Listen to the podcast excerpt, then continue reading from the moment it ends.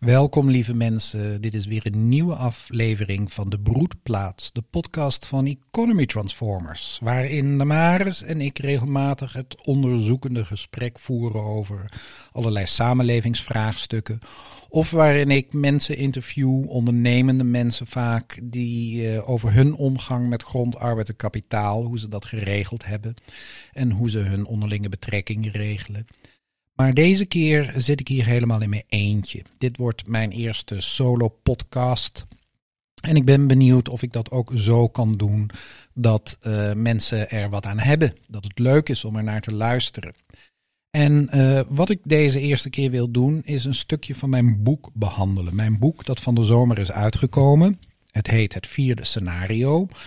En het schetst uh, perspectief op een, ja, een vierde scenario, een, een mens- en aardewaardigere samenleving waarin we op dit moment leven. Uh, de eerste drie scenario's zijn het kapitalisme en het communisme, een combinatie van die twee. En in zekere zin leven we nu in een combinatie van die twee, om allerlei redenen. En uh, ieder mens, waar ook ter wereld, uh, bij de ene is het wat makkelijker dan bij de ander. En zeker in West-Europa is het veel makkelijker. Kun je uh, jezelf uh, ja, ontwikkelen tot iemand die een bijdrage levert aan het vierde scenario. Dus aan een mens- en aardewaardige samenleving, zoals ik dat begrijp. In mijn boek uh, streef ik ernaar om helderheid te scheppen met betrekking tot de huidige samenleving. Waarom wat maakt eigenlijk de huidige samenleving tot de huidige samenleving? Uh, allerlei vraagstukken, allerlei maatschappelijke vraagstukken die we beleven in de huidige samenleving. Wat zijn de werkelijke, de diepere oorzaken daarvan? En hoe kunnen we um, ja, bij de diepste oorzaken beginnend werkelijk de huidige samenleving omvormen in een meer mens- en aardewaardige? Uh, het grootste vraagstuk wat ik hier probeer te behandelen is de groeiende kloof tussen rijkdom en armoede. In onze huidige samenleving groeit die kloof voortdurend. Steeds meer mensen vallen buiten de boot. Steeds meer mensen komen niet rond, komen aan de verkeerde kant van de streep terecht. En steeds minder mensen kunnen nog enigszins uh, ja, menswaardig leven. Maar omdat we met z'n allen in één samenleving leven. Uh, ja, de mensen die dan nog min of meer menswaardig weten te leven, ja, die leven terwijl er tegelijkertijd steeds meer mensen buiten de boot vallen. Um, dat wil je niet. Dus hoe zou je nou de huidige samenleving om kunnen vormen in een meer mens- en aardewaardige? Daar gaat mijn boek over, dat beschrijf ik. Ook voor de mensen die mijn boek uh, nog niet hebben of nog niet gelezen hebben, deze podcast is uh, uh, ook leuk voor hen. Een van die dingen die ik gedaan heb in mijn boek is geen illustraties. In plaats daarvan heb ik witte pagina's waar lezers hun eigen illustraties kunnen maken. En waarom heb ik dat gedaan? Omdat een toekomstige samenleving begint eigenlijk met het ontwikkelen van je verbeeldingskracht. En uh, daarom wilde ik niet mensen voeden met mijn plaatjes, met mijn illustraties, maar wilde ik mensen uitnodigen om hun eigen illustraties te maken, zodat ze ja, hun, hun innerlijk leven in beweging brengen en uh, mijns inziens ontstaat een toekomstige mens- en aardige, waardige samenleving alleen maar uh, als we ons innerlijk leven in beweging brengen en uh, van binnen naar buiten gaan leven. Um, tegelijkertijd hoor ik van lezers over die kwadranten, die, die, vier scenario's, waar ik mijn boek mee begin zo'n beetje dat, uh, ja, hoe, hoe ziet dat er dan uit? En, en, en waarom heb je daar geen illustratie van gemaakt? Dus wat ik wil doen, deze podcast, is samen met jullie, uh, nou, die uh, vier kwadranten, dat kwadrantenstelsel tekenen. En daarmee tegelijkertijd helderheid scheppen op de huidige samenleving en perspectief op een mogelijke toekomstige samenleving.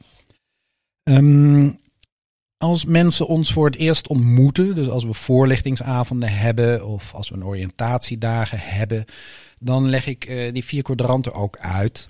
En uh, dat is vaak dus de eerste kennismaking met economy transformers. Want aan de hand van het kwadrantenstelsel kan ik laten zien, niet alleen laten zien, maar ook laten beleven waar wij zitten en wat ons streven is. En nodig ik mensen uit om in te voelen, om in te leven of zij ook uh, mee met ons willen streven naar het vierde scenario. En, uh, en zo ja, dan hebben wij allerlei uh, middelen. De Maris heeft ook een prachtig boek geschreven. Om, uh, ja, om vanuit de situatie waarin je nu zit, ja, dat, dat, het, het leven en dus ook het samenleven in eigen handen te gaan nemen. Dat noemen wij samenlevenskunst. Ieder mens op elke plek waar die ook zit, wat voor een opleiding die ook heeft gehad, wat dan ook. Ieder mens kan een bijdrage leveren aan een meer menswaardig en, en aardewaardig maken van de samenleving. Maar uh, dan moet je wel weten waar het om gaat en wat je eigenlijk te doen hebt. Nou, dat beschrijft de Maris op haar manier in het boek Vrij, Gelijk en Samenleven. En, uh, en ik beschrijf het op mijn manier uh, in mijn boek Het Vierde Scenario. Inmiddels ben ik ook bezig met het uh, tweede boek. Dat gaat over de geschiedenis van het geld en samenlevingsvormen in relatie tot de bewustzijnsontwikkeling van de mens. En uh, ja, en zo bouwen wij gestaag aan, ja, wat zal ik zeggen, aan het uitbreiden van uh, hoe, hoe, vorm je een mensenwaardige samenleving. Um, nou, laat ik beginnen.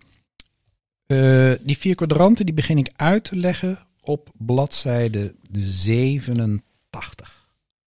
Daarin vertel ik dat we een hele tijd bezig geweest met uh, scenario's.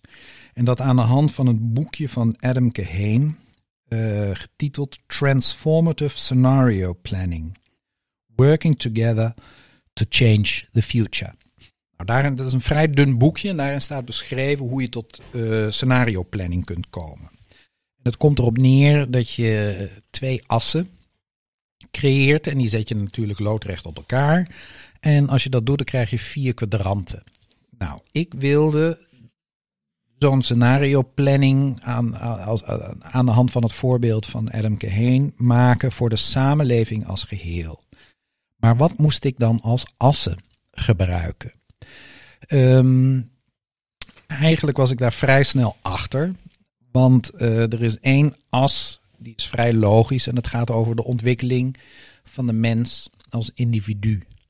Dus als je de geschiedenis, uh, als je de geschiedenis bestudeert dan, en, en de samenlevingsvormen, de geschiedenis van samenlevingsvormen, dan zie je daar een bepaalde ontwikkeling in. Namelijk dat individuele mensen, de gewone mensen, dus ik heb het niet over de leiders van de samenleving, dat die een ontwikkeling meemaken van vreemd bepaald naar vrij. Dat wil zeggen dat ooit in de oude samenlevingen uh, de mensen ja, volledig van buitenaf werd verteld wie ze waren en wat ze moesten doen. In het oude Egypte werd alles bepaald door de farao en zijn priesters. Die vertelden aan de gewone mensen wie ze waren. Jij bent een pottenbakker, jij bent een mandenmaker, jij bent een boer, jij bent een visser in een Nijl. En wat je moest doen. Ja, je moet potten bakken, je moet manden maken, je moet uh, land, de landbouw bedrijven of je moet vissen. En de farao en zijn priesters uh, bedeelden dan dus ook de middelen toe om überhaupt je werk te kunnen doen. Um, en op een bepaalde manier, uh, ja, zo'n samenleving was, was, een, was een mooi geheel en iedereen had daar een, een taak, een functie. En, uh, en, en, en productie en consumptie, de economie, was goed op elkaar afgestemd. En dat werd gedaan dus door de farao en zijn priesters. Maar de mens zelf uh, kon niks zelf bepalen. Hij was vol, vol, volkomen bepaald van buitenaf.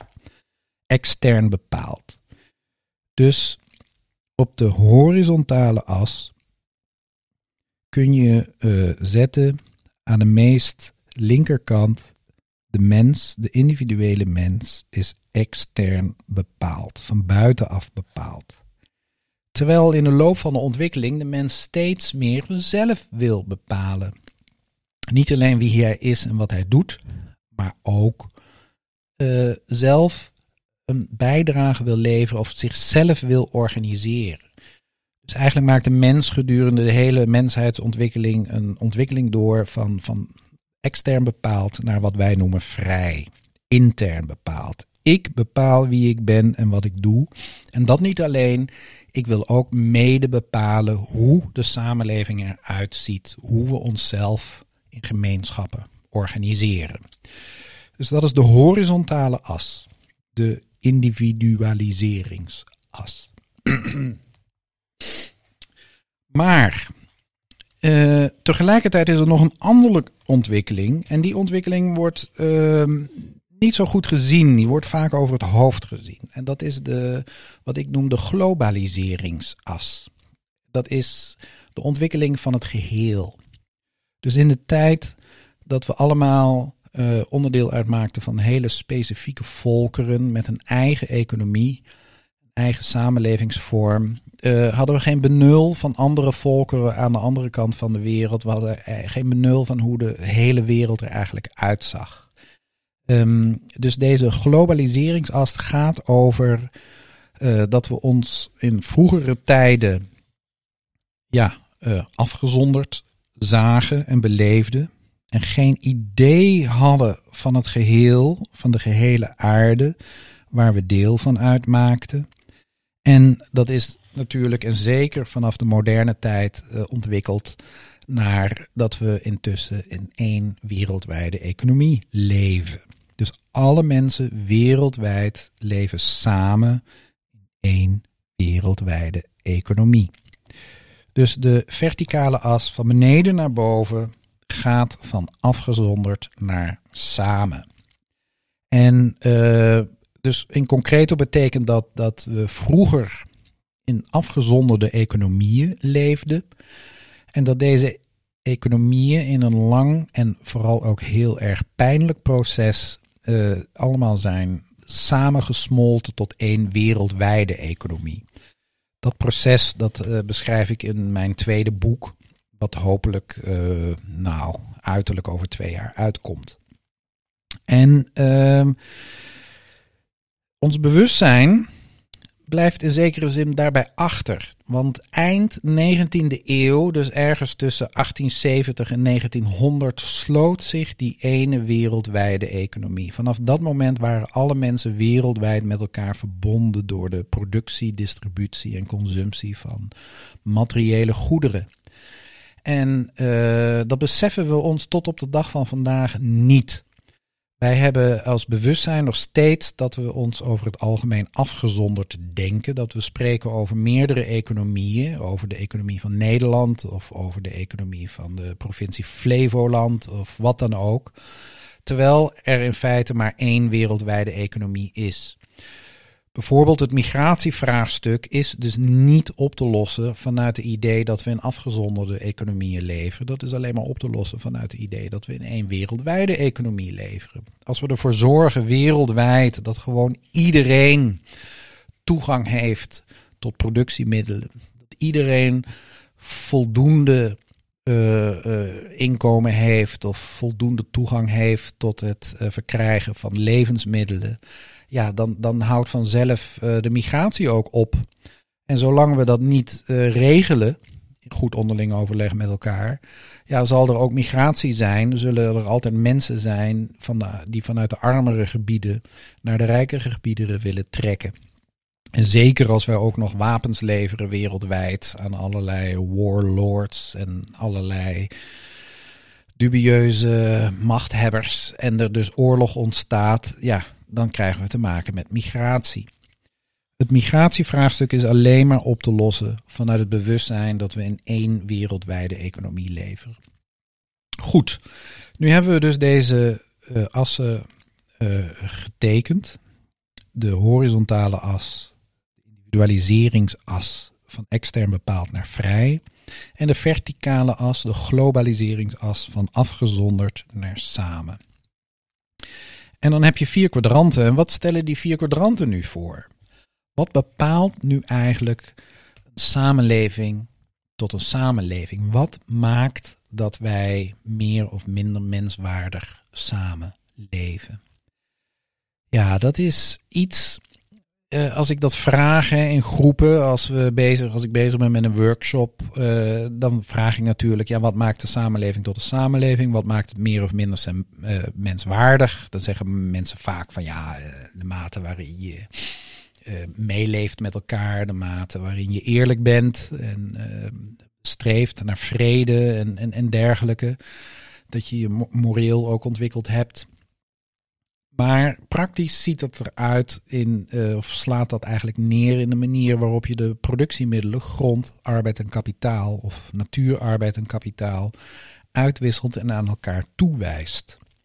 Dus laten we eens uh, linksonder beginnen, rechtsonder beginnen bedoel ik. In het kwadrant afgezonderd, dus we denken onszelf afgezonderd van de rest van de wereld, maar we denken dat we vrij zijn. En we schrijven in dat kwadrant kapitaal, arbeid en natuur als productiemiddelen.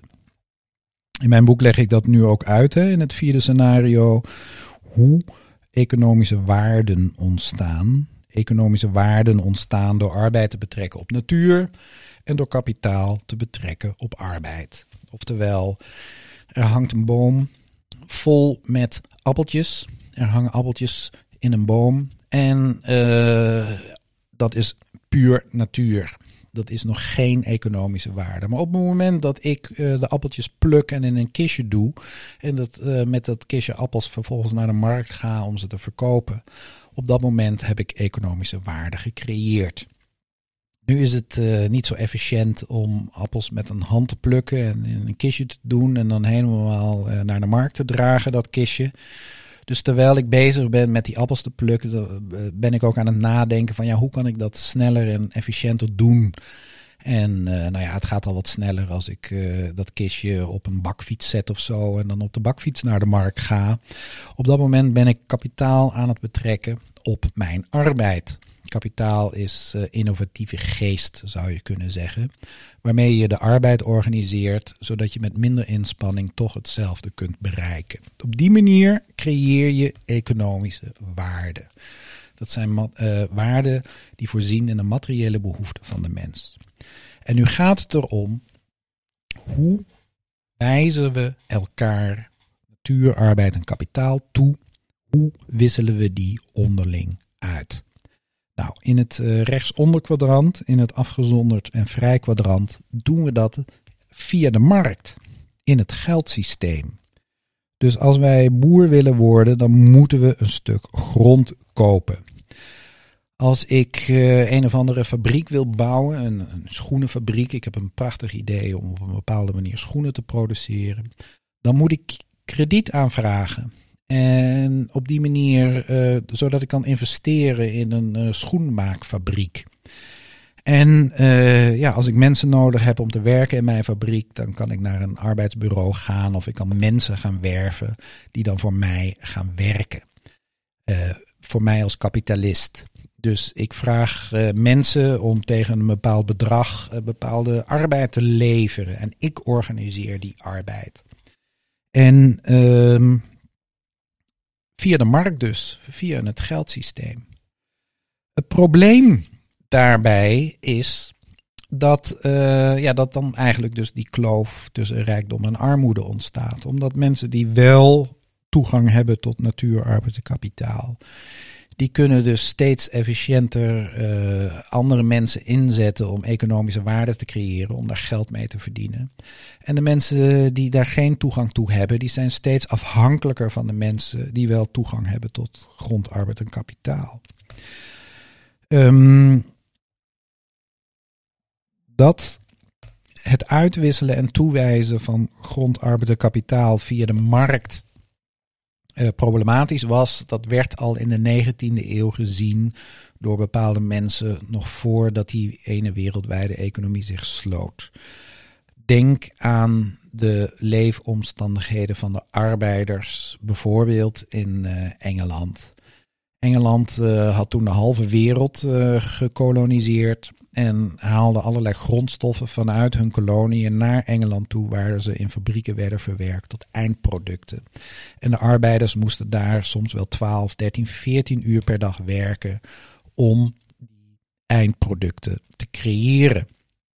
En uh, onder abominabele omstandigheden.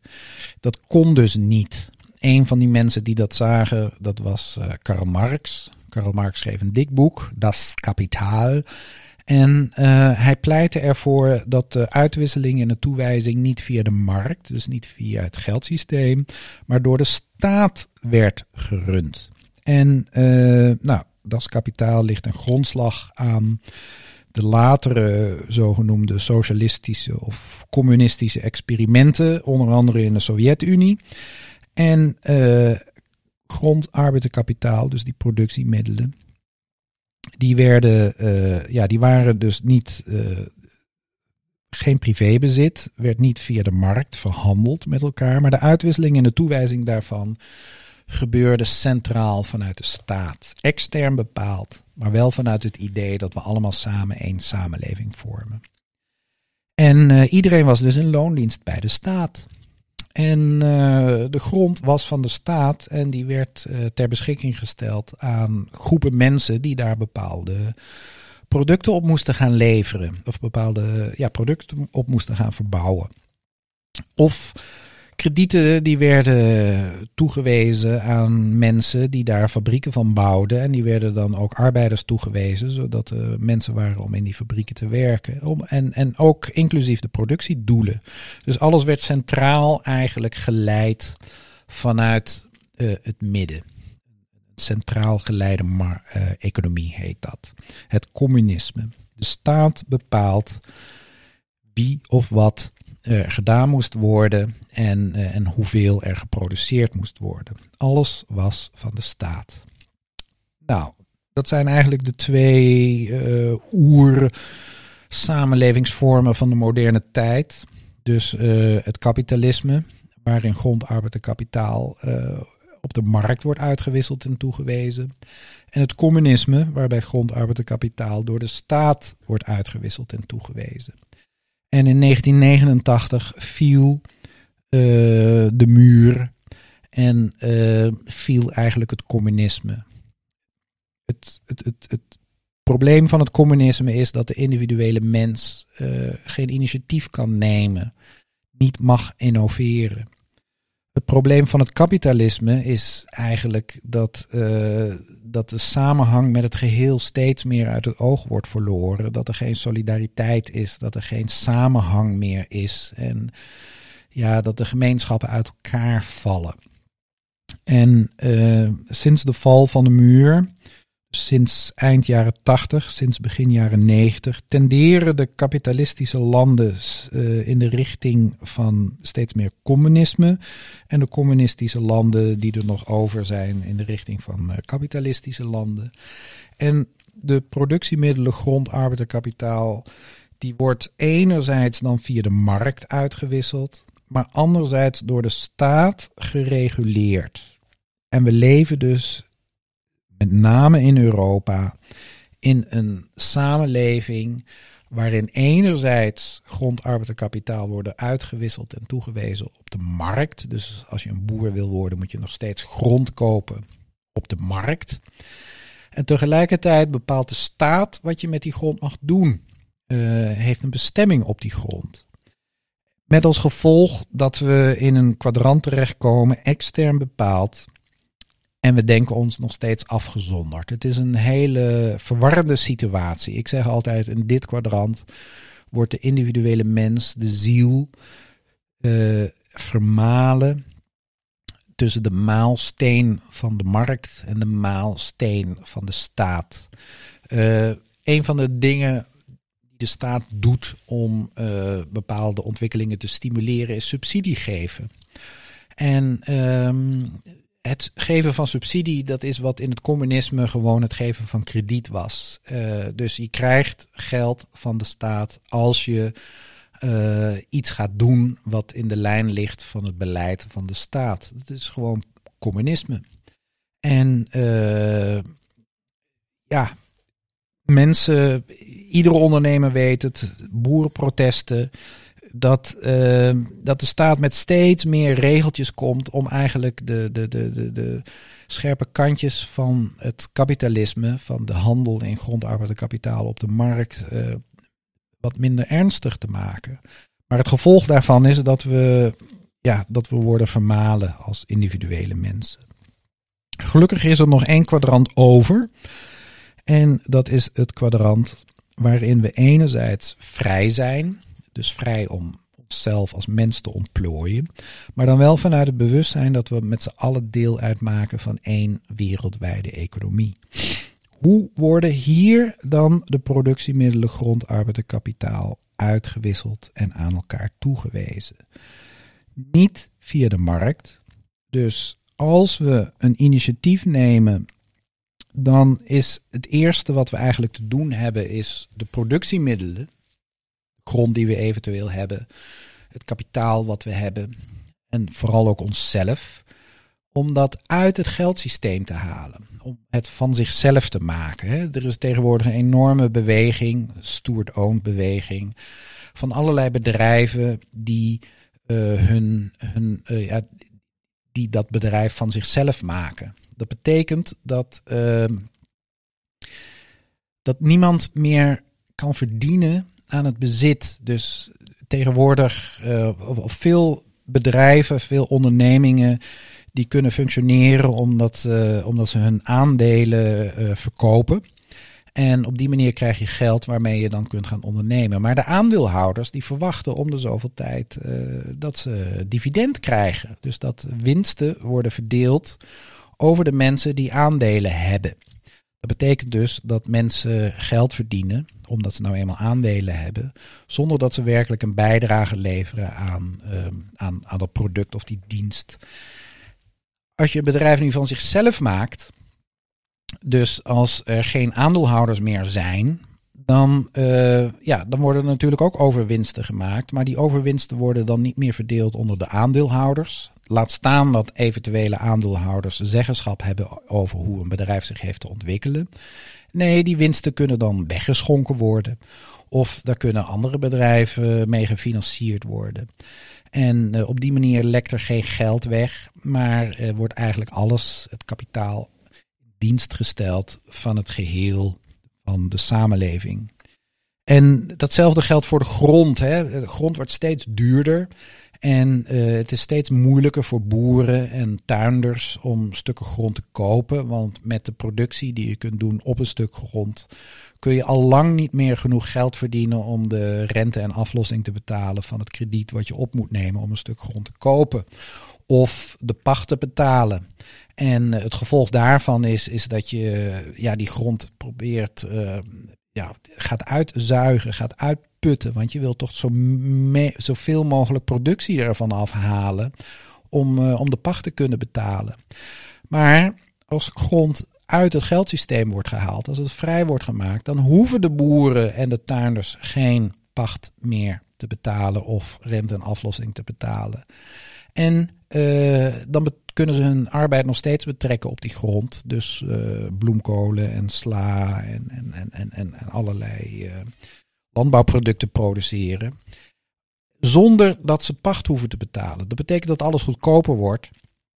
En, uh, ja, en, en, en dat ook alles veel ontspannender is. Want je hoeft dan niet meer je koeien ja, zoveel mogelijk melk eruit te halen. En je hoeft niet meer zoveel mogelijk productie uit je grond te halen.